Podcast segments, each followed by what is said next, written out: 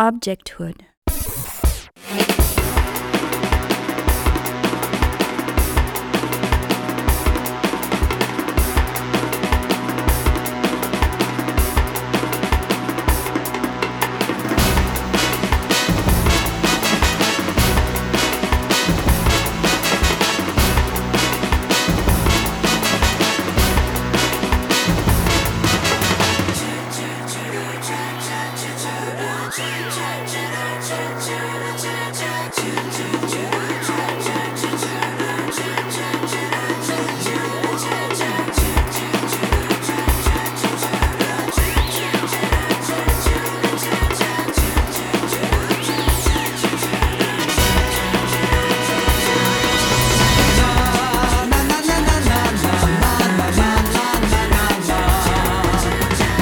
Cares of a Family Man is a short story by Franz Kafka about an entity called Odradek, an indeterminate something, a weird creature made up of bits and bobs, hard to describe, trace, and understand.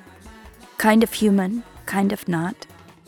In between, a true borderline case, which Slavoj Žižek, quoting Stephen Mulhall, compares to Ridley Scott's Alien, whose form of life is just, merely, simply life.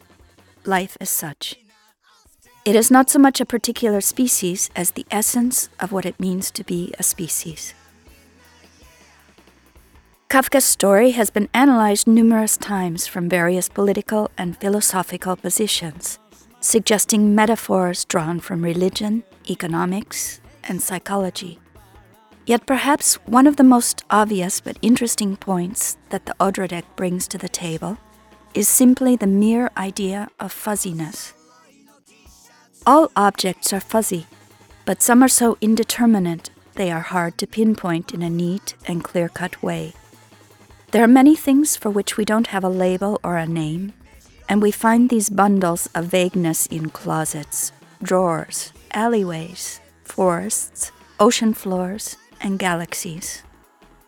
Allen Weiss calls the phenomenon ontological instability. He talks about monsters rather than odradeks, but perhaps they are not all that different anyway.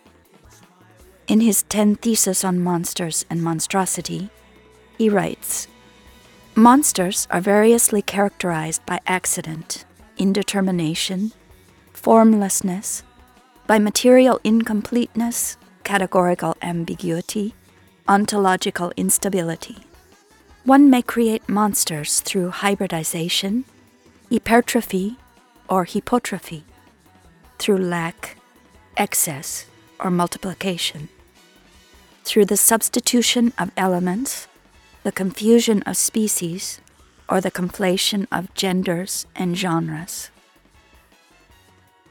In the 2004 video game Katamari Damacy by Keita Takahashi, the goal is to roll things up with a magical ball called a katamari.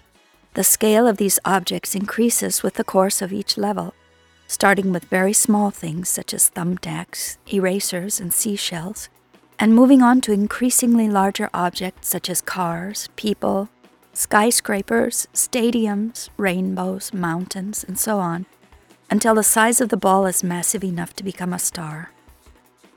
In Katamari Damacy, things go from the concrete to the formless, from distinct to extremely fuzzy. It is easy to recognize particular objects as they are being rolled up by the katamari, but after a few minutes, their discreteness dissolves into a messy amalgamation, slowly mashing recognizable objects into a gigantic, funny, and hellish odradek with fuzzy edges. Just as there is no sharp border demarcating categories such as baldness, the canonical example for vagueness in the literature on the subject, notions like monster, human, vehicle, and artwork, can also mean a number of things by either including or rejecting all sorts of borderline cases. That confusion of species, the conflation of genders and genres, which Weiss says brings the monster to life, is but one example of a kind of conceptual operation by which one can blend ontological consensus. Consensus on what we mean when we use vague, fuzzy notions such as monster, human, vehicle, or artwork. Even an apparently innocuous proper name such as Bill Clinton is arguably vague, says Achille Varzi, in a thought experiment in which he goes on to ask What exactly are the spatial boundaries of its referent? Surely they comprise Clinton's heart, and surely they do not comprise my left foot. But what about the candy that Clinton is presently chewing? Is it part of Clinton now? Will it be part of Clinton only after he has swallowed it? After he has started digesting it? After he has digested it completely? And exactly when did Clinton come into existence? Exactly when will it be correct to say that Bill Clinton does not exist any longer? In his 2009 text titled Do Artworks Curate Too? Raimundas Malašauskas points out that while we as curators think that we give artworks a voice, it is actually the artworks that speak through our choices and scenarios. Perhaps artworks are the only full time curators I know. In this third episode of the series, artist and curator Quim Pujol and anthropologist Martin Holbraad also talk about giving things a voice.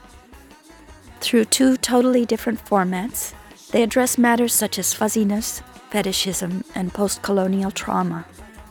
Pujol's audio essay combines accounts of Melanesian symbolism with science fiction aliens and melon soup, while Holbraad talks about the emancipation of the thing both by outlining some of the key historical strategies and then by introducing his own views arising from the context of his fieldwork and his analytical practice, and especially as a means of redefining the ethics and the politics of anthropological research.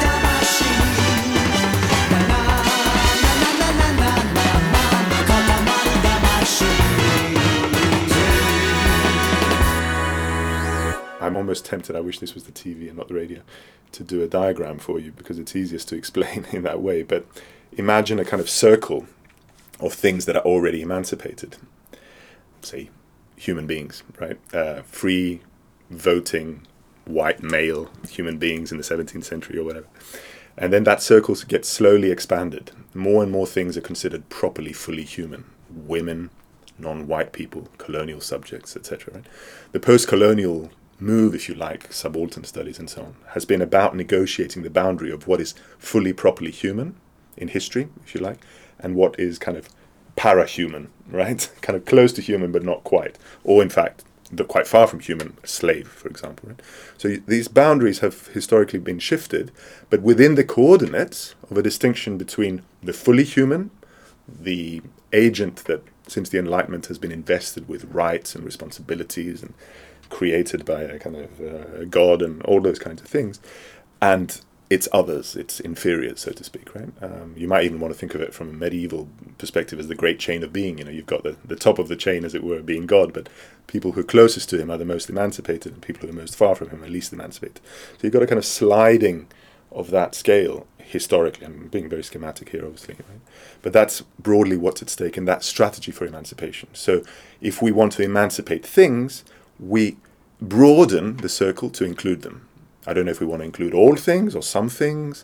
Certain things might be anomalous, you know, this whole kind of Donna Haraway thing with cyborgs or, you know, interesting kind of imbrications or hybridizations and so on. And this, the, the, word hybrid, if you remember, was very, very fashionable in the 90s, right? It's exactly what's a hybrid? It's something that, that crosses some kind of divide, right? It's kind of creating ambiguity where clarity previously reigned. Right? So those moves towards ambiguity and broadening the circle of the human and the fully kind of emancipated is one strategy. So, for example, the debates that we had, you know, a very inspirational text that all of us in anthropology who are interested in these things have read very closely is Alfred Gell's Art and Agency, published in 1998. And basically, that is an attempt to find in things the kind of agency that you might find in humans. So you take a quality that we all agree is human agency, we're agents, uh, and then you, you're able, through intelligent anthropological, philosophical, or whatever argument, to articulate that full thing. So that's what I'm calling the humanist strategy, because effectively you're taking the human and you're deciding how big it's going to be. Is it going to be just white males, you know, or whatever in England, or is it going to be I don't know rocks or you know robots or dogs or dolphins or women, whatever, right? So those are the kind of decisions which work within the modernist ontological axiom of the distinction between the human and the non-human, but put the, the division at different places, if you like, right? The second strategy that I would exemplify, for example, with, with Latour, Bruno Latour, is the so-called post-human strategy. The crucial kind of concept there is the idea of the network, actor network theory. Networks can involve any form of participant that can have agency or act upon each other in as much as they can make a difference to each other, right?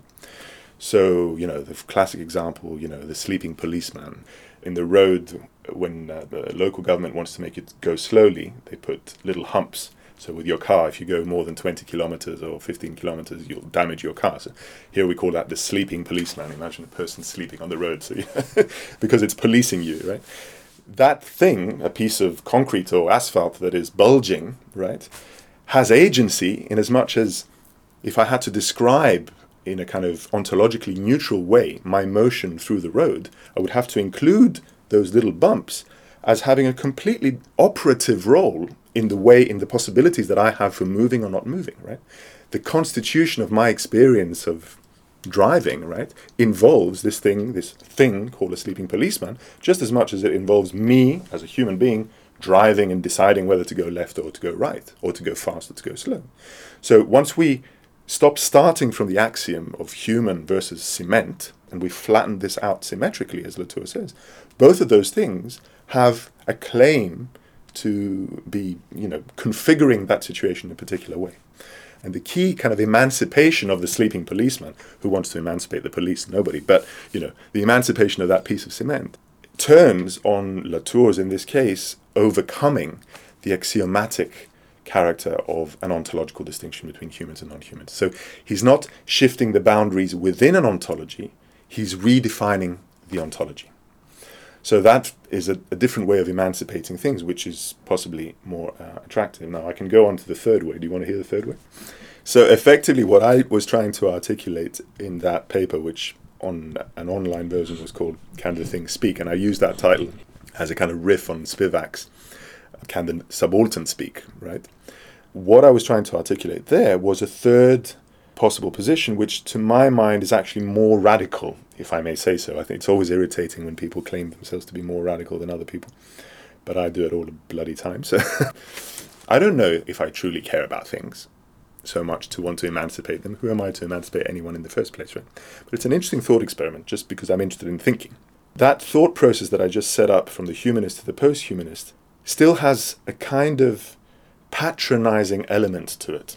And the patronizing element resides in the fact that it is the analyst, Alfred Gell, I gave as an example of the humanist approach, Bruno Latour as the post humanist, who makes the kind of executive, ontological, or distributive decisions as to what will count as human or non human, or what new ontology we might need, in order then to allow things to be emancipated within it if we truly are going to think through this possibility of a thing that emancipates itself, there's something a little bit patronizing in the idea that it will be emancipated by being provided before, as it were, an ontological frame or reframing, depending on how you do it, that will allow it to be emancipated, right? It's a bit like, here you go, have your emancipation, dear little thing.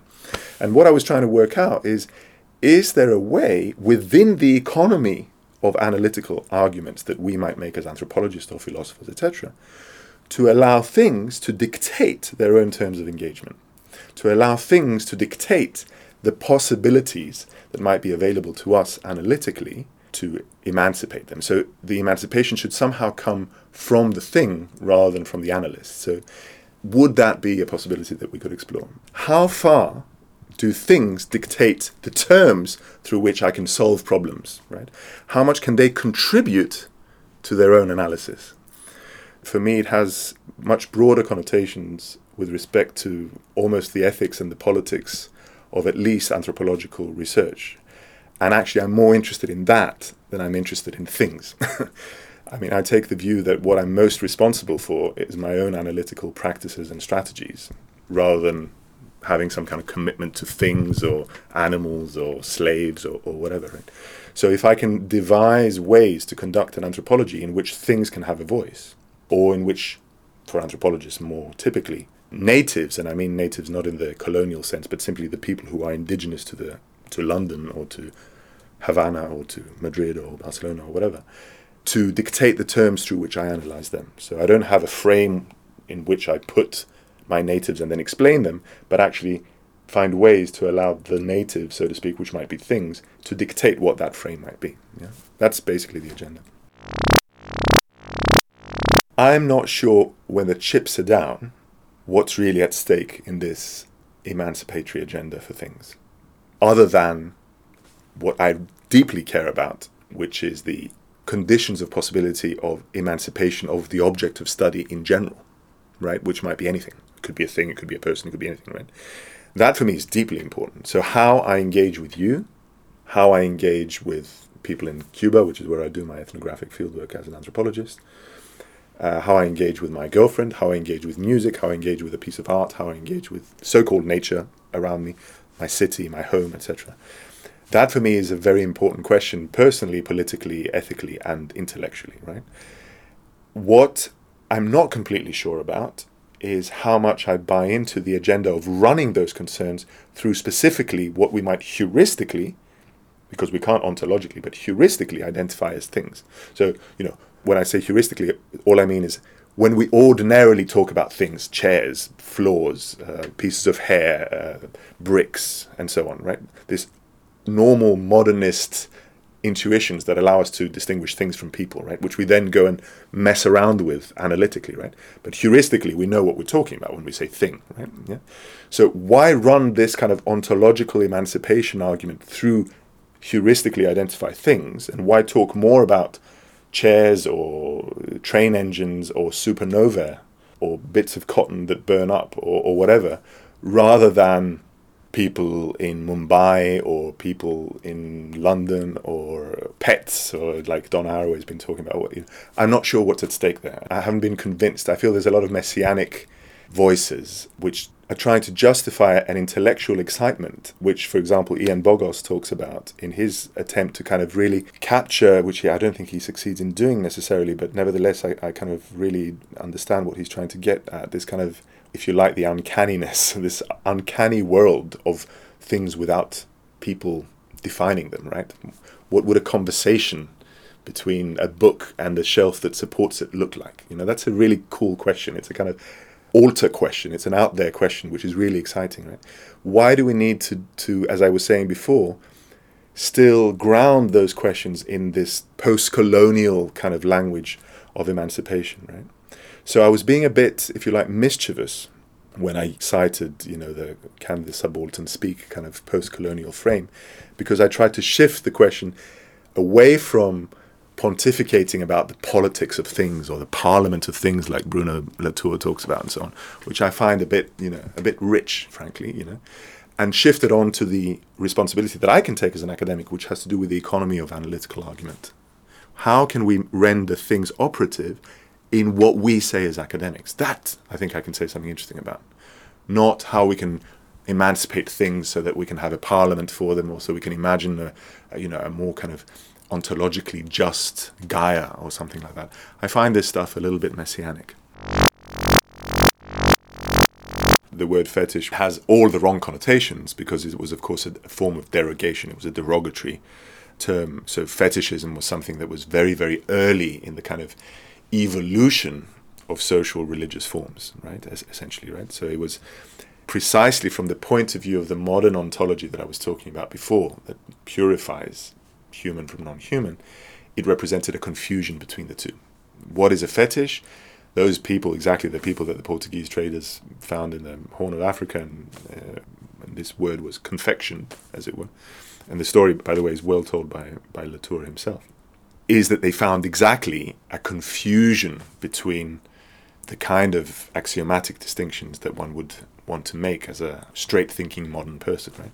Such that, you know, amulets or particular bits of hair or stone had powers that one would normally associate with spirits or with people. So how is it that these things, which are just just things, can have this power? Now, of course, Latour makes a lot of fun of this, particularly given the fact that these Portuguese colonials, you know, had all sorts of effigies to the you know uh, Virgin Mary and so on, and all sorts of interesting kind of uh, hybrid confusions in their own theology. So it's a kind of interesting kind of, if you want to see it um, psychoanalytically, form of kind of projection and repudiation going on there, which was deeply kind of informing the hierarchical colonial situation that we're talking about. But essentially, that story of the evolution of human beings from simple, confused states, often morally dubious states, to more complex, more evolved, separated out, clearer, and morally better substantiated is the old story of anthropology in the 19th century. So essentially, in as much as fetishism was bound up with that story, uh, which, by the way, Freud and Marx that you talk about, you know, 19th century, 20th century authors like that are completely being informed by, so they're reading this anthropological literature.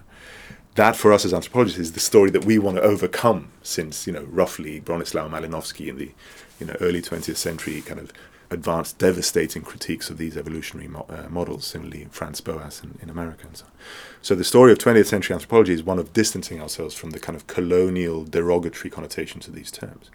Now, with this material turn that I was talking about before, purified from their kind of moral political baggage, as it were, this possibility that through fieldwork in places like, say, why not West Africa or Cuba in my case, we might actually enter a conceptual and practical universe in which our axiomatic distinctions between things and people, for example, or in our case, we advance the parallel argument about the distinction between things and concepts. Right? Think of Hegel, for example, right?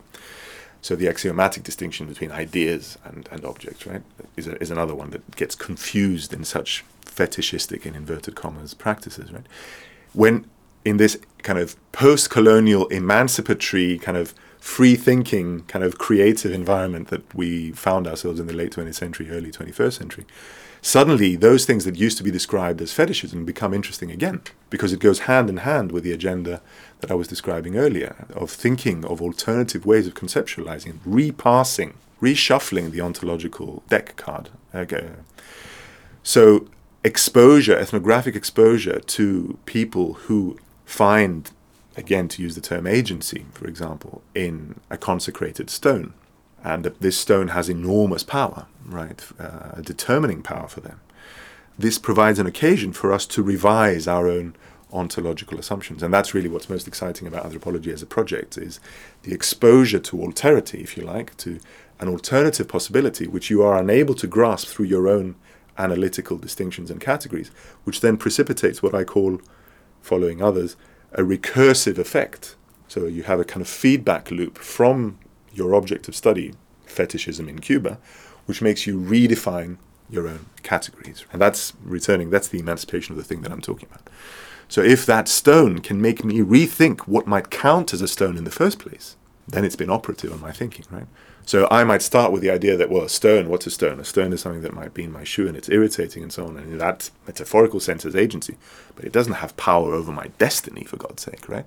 Power of my destiny. The state has that, you know, my mother has that, you know, my girlfriend or whatever. Maybe God if I believe in God, but not a stone. Then I go to Cuba and I find out that stones need to be fed, they need to be whispered to, they need to be uh, taken care of, they need to be married with each other. Sometimes they need to be placed upon parts of one's body and become kind of merge with one one's body in different ways. And if you don't do those things, your destiny might be in very deep trouble. You might die. So it's a stone, something as insignificant as a stone, and it's a classic example, of course, becomes literally a matter of life and death in this situation. So then, what do I have to do to my own thinking?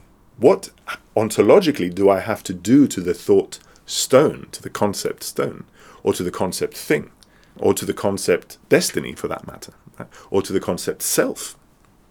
How do I have to realign those concepts, which is essentially a kind of philosophical question, for that thing that I see happening in Cuba, people taking stones incredibly seriously, to actually not feature as some kind of ontological aberration, right? Oh, those silly people, they must be, you know, uh, less advanced than us, you know, that which is the old kind of colonial approach. So suddenly those things that were kind of tagged as fetishism become really interesting. And I just want to say one more thing about fetishism specifically. What I find I'm actually writing a paper about, I am still writing about things because I'm writing a paper about this specifically now, about different modalities of activation, we call it, which essentially are kind of different, this kind of running concern in African anthropology with precisely how the things that we might heuristically, from a modernist point of view, call things, get activated and have uh, operative on people's lives. Right. This is a very important theme in African anthropology, right, in understanding African materials. And we've kind of contrasting two different modalities. Broadly, the distinction is between what the things that other anthropologists have identified as animic or animist situations. And what we're doing here is taking very seriously the work of Peter Pels, who's this Dutch anthropologist who, who works in this part of the world, and Pietz, who's the famous reinterpretation of the story you asked me to tell, read Pietz's three part account of fetishism, who both of them make this key kind of suggestion that the power of the fetish and what makes it very different from animism lies precisely in its thingness. So it's not that you take a thing, you know, I'm holding this empty rum glass, and you invest it through consecration with a spirit. So you say, okay, this thing is powerful because it has a spirit. It's precisely because it has no spirit. Or if it has a spirit, and this is where things get interesting, it's a dead spirit not a life, living spirit, but it's the spirit of a, either a dead person or a slave, a very typical kind of uh, theme in Central African ethnography. It's the deadness of that spirit, it's the death of that spirit, if you like, that makes this glass, if it's properly prepared, powerful. Right? So, if you like, it's the kind of pure objectivity or pure otherness of its thingness that gives it power, as opposed to investing it with something that we also have, such as spirit, in order to kind of get closer to it, if you see what I mean, right? So it's the uncanniness to use that kind of, you know, pseudo Freudian kind of terminology of its impenetrability qua thing that makes it powerful. So the, the fetish logic is a logic that sees power in non spirituality, in some sense, the opposite of life, right? It sees power in deadness, if you like. I want to put this scenario to you. You're absolutely right. Signatures ha- have enormous power, and they have legal power. That's the whole point. Right? And we can go back, you know, Kantorowicz and the whole kind of question of divine power of rulers and so on, and you know, signatures and any kind of appurtenance of the body, including the gestural appurtenance of a signature, which, after all, is also a kind of contiguity of the body, right? Um, but it's also the gesture that's captured, right, which is kind of inimitable and so on all that has power. It has, if you like, aura in a kind of Benjaminian sense, and, and, and all those things, right? However, try and compare this with the situation that I was describing before in, say, Cuba, in which a stone, if not fed properly, can take revenge on you. Is that really the same as the power of signature? And I would say, you know, on a scale of, to use a very old uh, strategy, which is actually entirely wrong, of metaphor on the one end and literality on the other. When we say that a signature has power, we are being, I would suggest to you, closer to the metaphor pole of things. When we say that Cubans, as an old anthropology would say, believe that this stone has power, that if it's not fed, it might kill you or it might take revenge on you, we're literalizing the power of the thing in quite a different way. If someone said to you that, for example, my wife isn't signing the documents, you know. Fine. She has enormous power over you because she hasn't put the signature on the document. She has power over in, in that sense. But if then you say to me, you know, you're my friend and you're telling me the story and you say, and you know what happened? Last night I was dreaming and the signature leapt out of the page and came and bit my face off. This signature has enormous power. It bit my face off. It took revenge at that point, I would be quite justified in our, you know, the way that we understand things to say, my friend Rock, are you sure you're absolutely okay? you know, yeah, perhaps you need to see, you know, are you sure that you're not losing it a little bit? Whereas in Cuba, that's exactly what people will say about stones. You know? And for me, fetishism is the kind of originary, fascinating moment of the conceptual dispositif of the fetish is, you know, a signature that comes out of your dream and actually bites a bit of your cheek off. That for me is anthropologically compelling, not in trying to say that signatures in the way that they're used in a divorce document are not compelling. I just think it's a different kind of problem. It's a related kind of problem, but it's not the same. So imagine a situation, let's take this glass, yeah, and imagine a situation where I have this basic assumption that this glass is a you know obdurate, inanimate object that is brittle and can break and so on, you know, and certainly has utility and so on, but should not be treated with the same amount of respect as you. I don't feel the need to be polite to this glass. So I treat these things differently according to a kind of particular ontological position. The first move, then, in order to create the space for this glass to actually have an effect on me, is to somehow empty it out from these assumptions that I already give it.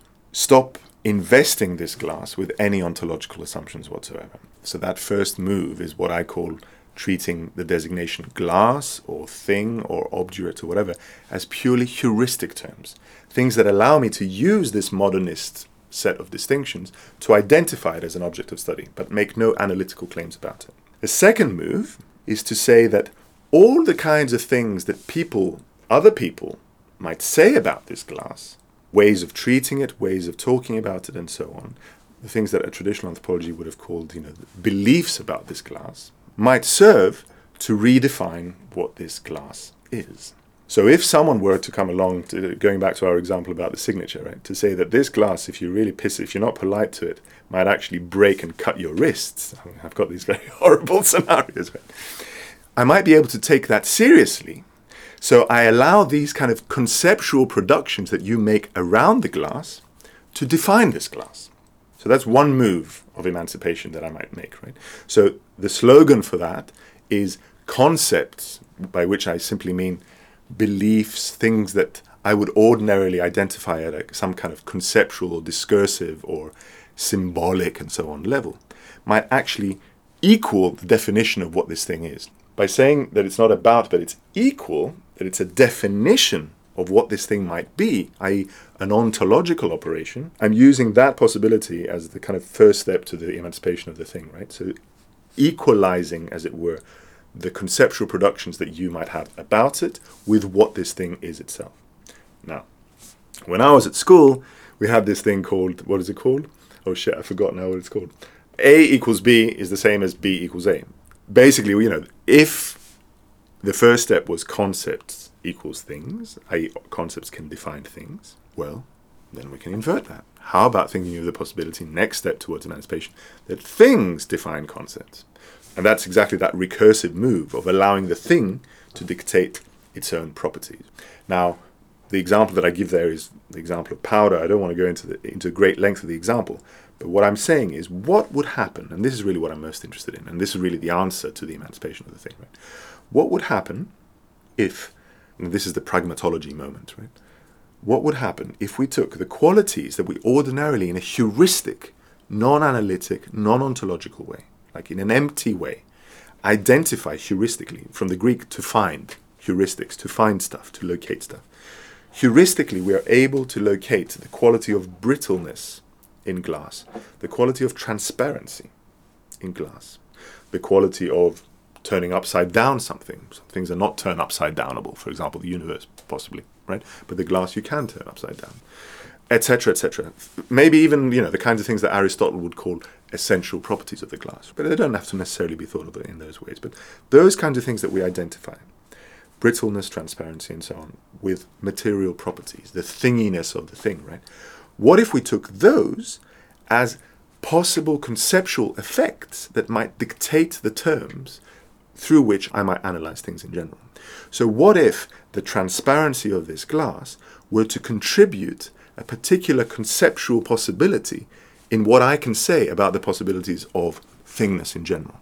So, what if, if you like, we took all of the things that material scientists are interested in, chemists, engineers, and so on, right, and turned them into a kind of conceptual possibilities? What conceptual effects does transparency allow for? For example, you might say that transparency, I'm just thinking off the top of my feet, transparency offers a degree of, for example, ambiguity of boundaries. You know, I'm thinking of Leibniz's monads or whatever, you know, like a room with no windows or a room with windows. What is what does that what kind of conceptual possibilities as well as architectural material ones does that allow us for, right? So was Leibniz's possibility of theorization of a kind of windowless monad, right? An effect, if you like. Not, I'm not trying to make a historical argument about you know what was happening with glass making in the time of Leibniz, but essentially the conceptual dispositif, the conceptual configuration of a monad relies on the conceptual difference that pa- transparency and opacity uh, might make, right? So we've got a philosophical deployment of a material property, if you like. So, so this kind of inversion of the equation from concepts equal things let's allow us to redefine what a thing might be, to turning that around and saying let allow th- things to redefine what our concepts might be. It's a little bit like you know this kind of pantheistic universe, right? The kind of 19th century romantic poetry kind of image where everything can speak back to you and make a difference to you, right? But not in your kind of everyday life, but in your conceptual life as an intellectual. That's what I mean. I don't care about redefining the ontology of the world and of Gaia. What I can care about, and what is my responsibility to care about as, a, as an anthropologist, is how to redefine the possibilities of anthropological thinking. Just like the responsibility of an artist is to redefine the possibilities of what art might be. What your responsibility as a musician is, is to redefine the possibilities of computer music, right? Is to open a new window, to come back to the example, a new horizon of what might be sayable musically, right? So, can we allow transparency of this glass and the way that it's correlated, for example, with brittleness and perishability? So, these are all kind of qualities, right, predicates that have conceptual effects, right? Can our engagement with things make a difference to the way that we think? That, that's really the, the, the question. And for me, the equation of thing equals concept, which is an inversion of the concept equals thing, is simply a kind of slogan for that possibility. The story of 20th century art is a story of an engagement and, and constant keeping alive of the horizon of what the thing may be, and corollary what art may be, right? So, this, again, recursive work that in the very act of doing art, you are redefining the conditions of what art might be. Right? My sense is that the engagement that artists are offering is possibly the most rigorous of them all, precisely because it is the most uh, assiduous in keeping the horizon of what kinds of questions can be asked open. So the shift that I'm undergoing as a 40 year old thinking about these things is that the hardest part in thinking is to keep the question open rather than to provide a new answer. Is to ask a new question is 10 times more interesting than to provide a new answer to a question that you already had posed or that other had posed before you. And I think artists are most rigorous at posing questions. I have a good friend who works in Spain, Alberto Corsin Jimenez, uh, he works in Madrid. He works with architects in this case, but he talks about the perpetual prototype, right?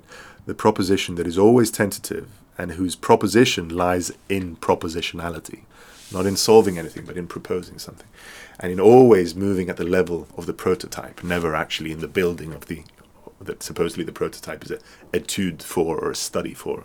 Yeah? So always studying so for me, artists are in that sense always studying. And as a student, as a perpetual kind of, you know, I'm an academic, so I'm a student. I think I have more to learn from artists than I do with that other group of people who I deeply respect, by the way, but who have always, in a rather chauvinistic way, dominated my field as a paradigm, which is scientists, right? So this silly invention, in my opinion, called social science, right? And that anthropology along with economics and so on, sociology or what, what have you, is a social science, you know, is for me one of the most kind of inhibiting premises for the kind of thing that I do. And I think that liveliness of thought and, and labor that artists are proposing, good artists, no, there's crap artists as well, right? We're talking about the greats, you know, I'm talking about, my favorite at the moment is Magritte, you know, I mean, I know it's out of fashion, it's a long time ago, but, you know, you cannot avoid this kind of work is, I think, a much better model for the kinds of questions that I'm interested in asking. I mean, going back to our conversation before, there's nothing more emancipatory of the thing than a form of labor, which I would call art, that redefines in the very engagement with the thing what a thing may be.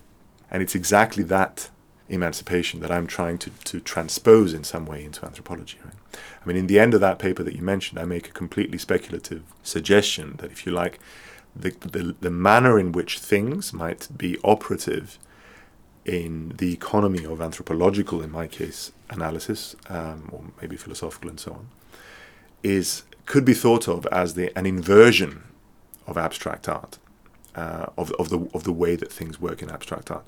And the proposal, I'm sure, to an artist will sound completely silly, but I think again, it's a thought experiment that it's a vehicle for thinking that might be useful, right?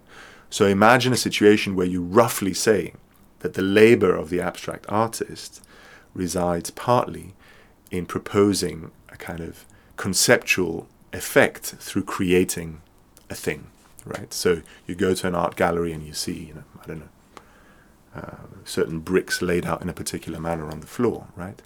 And that thing, which is what you're exposed to, expresses a conceptual proposition on the part of the artist. So this relationship between the, the conceptual expression and the and the material expression is what's so alive. But the direction, if you like, is that it's the, the concept, as it were, that is expressed through the thing, right? And I'm just wondering whether anthropologists, in a sense, are doing exactly playing, you know, the, the, the emancipation of, of the thing through anthropological means that I'm talking about, is exactly allowing the thing to dictate, as it were, in the economy of anthropological argument, particular conceptual effects that then the anthropologist can deploy in, in his argument, right? So from the thing is extracted a concept rather than a very silly way of representing, I'm sure, artistic creativity, which is an artist saying, I want to express something and here's the thing that I'm going to express, right? So there's that some kind of tension or, you know, orthogonal relationship between uh, artistic creativity and anthropological creativity. I, I coined the term pragmatology for that, right? Just to get rid of this anthropos, you know, the human, and just talk about the, the, conceptual effects that things might have within the economy of an anthropological argument. And those conceptual effects might be, for example, a redefinition of what thing might mean. Yeah? So they actually redefine themselves in some way.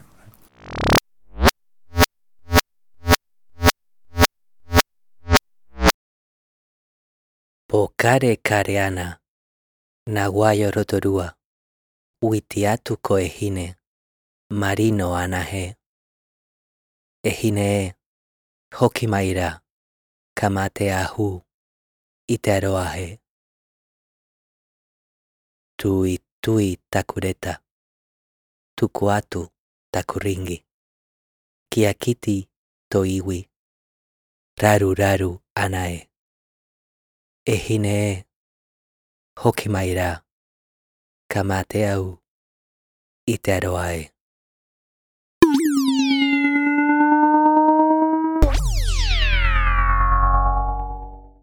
In Alien Resurrection, military scientists use blood samples to revive Lieutenant Ripley and the alien queen that had been growing inside her. But during the cloning process, Ripley's DNA becomes mixed up with the aliens, and Ripley acquires some of her traits, such as enhanced strength and acidic blood. The alien queen's DNA is also impure, and she later gives birth to a hybrid alien human that only recognizes Ripley as its mother and kills the alien queen who had engendered it. In the final scene, Ripley, a human with a little bit of alien in her, confronts the extraterrestrial, an alien with a little bit of human in it. In the end, Ripley manages to breach a hole in the hull of the ship, and the difference in pressure between the interior and the exterior causes the hybrid alien to be sucked into space, crushed to pulp. The other is returned to its proper symbolic space, the outside. Even so, after killing the alien, Ripley whispers in dismay. Sorry. Sorry. The artist Amanda Pina produced a poster with the words Theater, Here and Now, presents me, the person reading this poster. Performed by the person reading this poster. Directed by Amanda Pina. Pina describes this poster as a two dimensional performance. Cargo cults first appeared in the late 19th and early 20th centuries in various Melanesian and Polynesian islands. The tribal societies that lived on these islands were governed by a political system according to which the people who had the most material goods shared their belongings amongst the entire community. If the other members of the tribe were unable to reciprocate, the community remained in debt to the gift giver. This meant that the person who gave the most was the one who acquired the most prestige and political power. Conversely, those who received the most and were unable to reciprocate had the least power and prestige and were known as rubbish men. Things changed with the arrival of Europeans on the islands, however. The white men received cargo shipments of supplies that were dropped on the island by aeroplanes.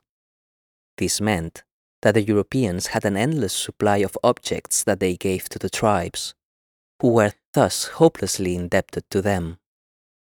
The indigenous tribes soon began to feel uncomfortable with the situation that seemed to entrench them in the status of rubbish men. Unfamiliar with modern manufacturing techniques, the natives assumed that the consumer goods had been produced by spiritual means that involved the gods and spirits of their ancestors. According to this interpretation, the goods were actually intended for the tribes, but the Europeans had schemed to get their hands on them. Cargo cults were the belief systems that the natives developed based on the conviction that their ancestors would one day arrive on the island in an aeroplane and shower them with an infinite array of material goods that could restore them to their rightful political status.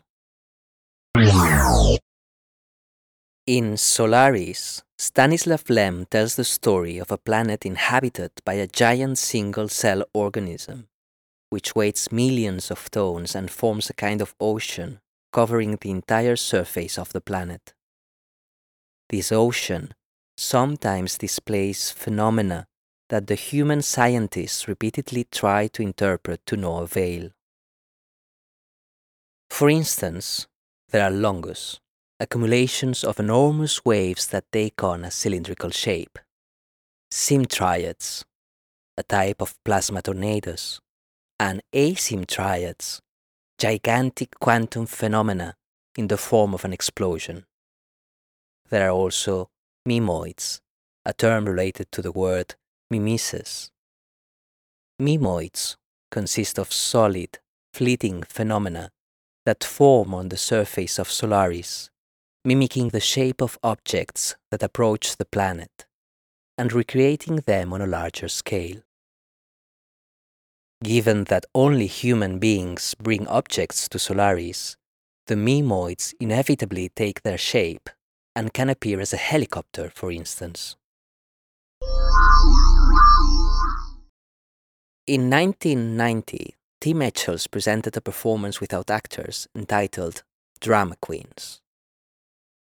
The piece featured motorized replicas of sculptures by seven major 20th century artists Giacometti, Hepworth, Arp, Koons, Requiem, LeWitt, and Warhol. The remote controlled sculptors move on their own on stage, suggesting a series of clashes and crossovers between the various artistic movements, from formalism to minimalism, pop, and postmodernism. One of the characteristics of cargo cults consists of imitating the behavior and objects of the Westerners. The members of cargo cults make helicopters out of twigs and branches and build fake runways for the cargo airplanes in which their ancestors will supposedly arrive. Or they organize military parades that mimic those of the United States Army, using rifles made out of reeds. But the mimesis does not stop there. There are religious rituals in which the members of the tribe sit around the table and behave as if they are drinking tea like the British but with empty cups. And they also impose curfews on their members, as the Europeans did in their plantations. The members of these cargo cults also display glossolalia, speaking in what appears to be a foreign language, but is actually unknown to anybody. The anthropologist Peter Worsley argues, and I quote, the most difficult to explain elements of cargo cults, particularly the hysterical mimesis of European behaviors, are an emotional outlet found in imaginary projection. End of quote. That is, he deduced that archetypical cargo cult behavior is its own goal and end, its own creative enactment. These self fulfilling enactments are an aspect of, for lack of a better term, existence. They are simply what people do, that is, the physical or corporeal enactment of a context.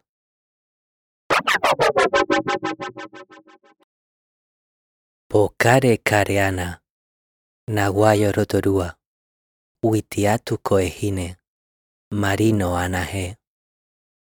Ehine hokimaira, kamate ahu, iteroahe. Tui tui takureta, tukuatu takuringi, kiakiti toiwi, raru raru anae. Ehine hokimaira, kamate au, iteroahe. Ekore te aroa, emaroke itera. Makuku tono, iakuro imatae. e hine. Hoki mai rā, ka mate ahu, i te roha. Tuara ti taku penga, ka pāu aku pepa, ko taku aroha, mau tonu anai. E hina. Hoki mai rā, ka mate ahu, ka mate ahu. Iteroahe. In his classic article, Art and Objecthood, Michael Fried criticizes the fact that minimalism is based on the spectator's experience rather than on the relational qualities of the artwork. As such, he argues, minimalism offers an experience of theatricality or of presence instead of being in the present. In response to Fried, the art critic Stephen Melville argued that the theatricality is an ontological characteristic of art that can be temporarily neutralized to some extent, but can never be totally destroyed. Over time, many cargo cults became resistance movements against European occupation, and anthropologists were forced to reconsider the phenomenon. Was the natives' imitation of the traditions of the Europeans a parody rather than a hysterical embodiment? Had the natives been laughing at the Westerners all along? Indeed, members of cargo cults were not really driven by an ambition for material goods, but by a desire to strengthen the social bonds amongst the members of the community. When members of cargo cults were asked to go and work on plantations in exchange for objects, they refused and remained waiting impassively beneath a tree. With half a smile, they argued that one day their ancestors would arrive, piloting an airplane, and provide them with everything they need.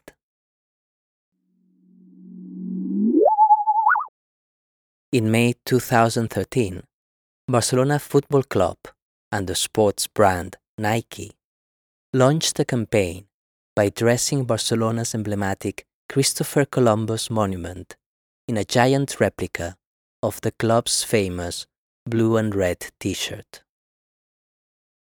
Colonizing the colonizer. Although some have come to see performance art as a genre, there is no consensual definition of the term. As any tradition using a specific medium for experimental purposes, the census constitutes an essential aspect of its practice, In that sense, performance is embedded with otherness. In her article, Dissolving the Self Other Dichotomy in Western Cargo Cult Constructions, Elfriede Hermann discusses a supposedly paradigmatic case of a cargo cult. Led by a leader of a resistance movement against colonial rule, whose name was Yali. Analyzing the first hand accounts of the inhabitants of Yali's native village and of his widow, Hermann concludes that Yali was not actually the head of a cargo cult. Instead, the accusations of leading a cargo cult had been used to discredit his resistance movement. Hermann proposes that perhaps these cults never existed as such, that they may have been an invention of the white man. In this case, the obsession with consumer goods says more about the Europeans than about Papua New Guinean natives. The very word cargo cult provided us with a mirror in which we fail to recognize ourselves. On the 23rd July 2013, after reading out this text in the auditorium of Fundació Antoni Tàpies, Luis Nacenta made his way to the exhibition area, raised the glass that protected the work Pila de Plats by Antoni Tàpies, picked up the pile of dishes with his hands, and took them into the auditorium. There, he and other members of the Objectes d'Estudi research group dished out melon soup and served it to the audience who had listened to the reading. As there were not enough plates to go around, this sculpture consists of around 30 plates, some people had to make do with plastic cups. The ingredients of the melon soup are for six people, one melon, 250 grams of mascarpone, chopped fresh basil, a drizzle of olive oil, salt. Remove the rind and seeds from the melon and chop it into small pieces. Combine with the mascarpone in the blender jug. Mix until a fine, creamy texture is achieved. Add the basil, oil, and salt to taste. Chill the soup in the refrigerator before serving and enjoy.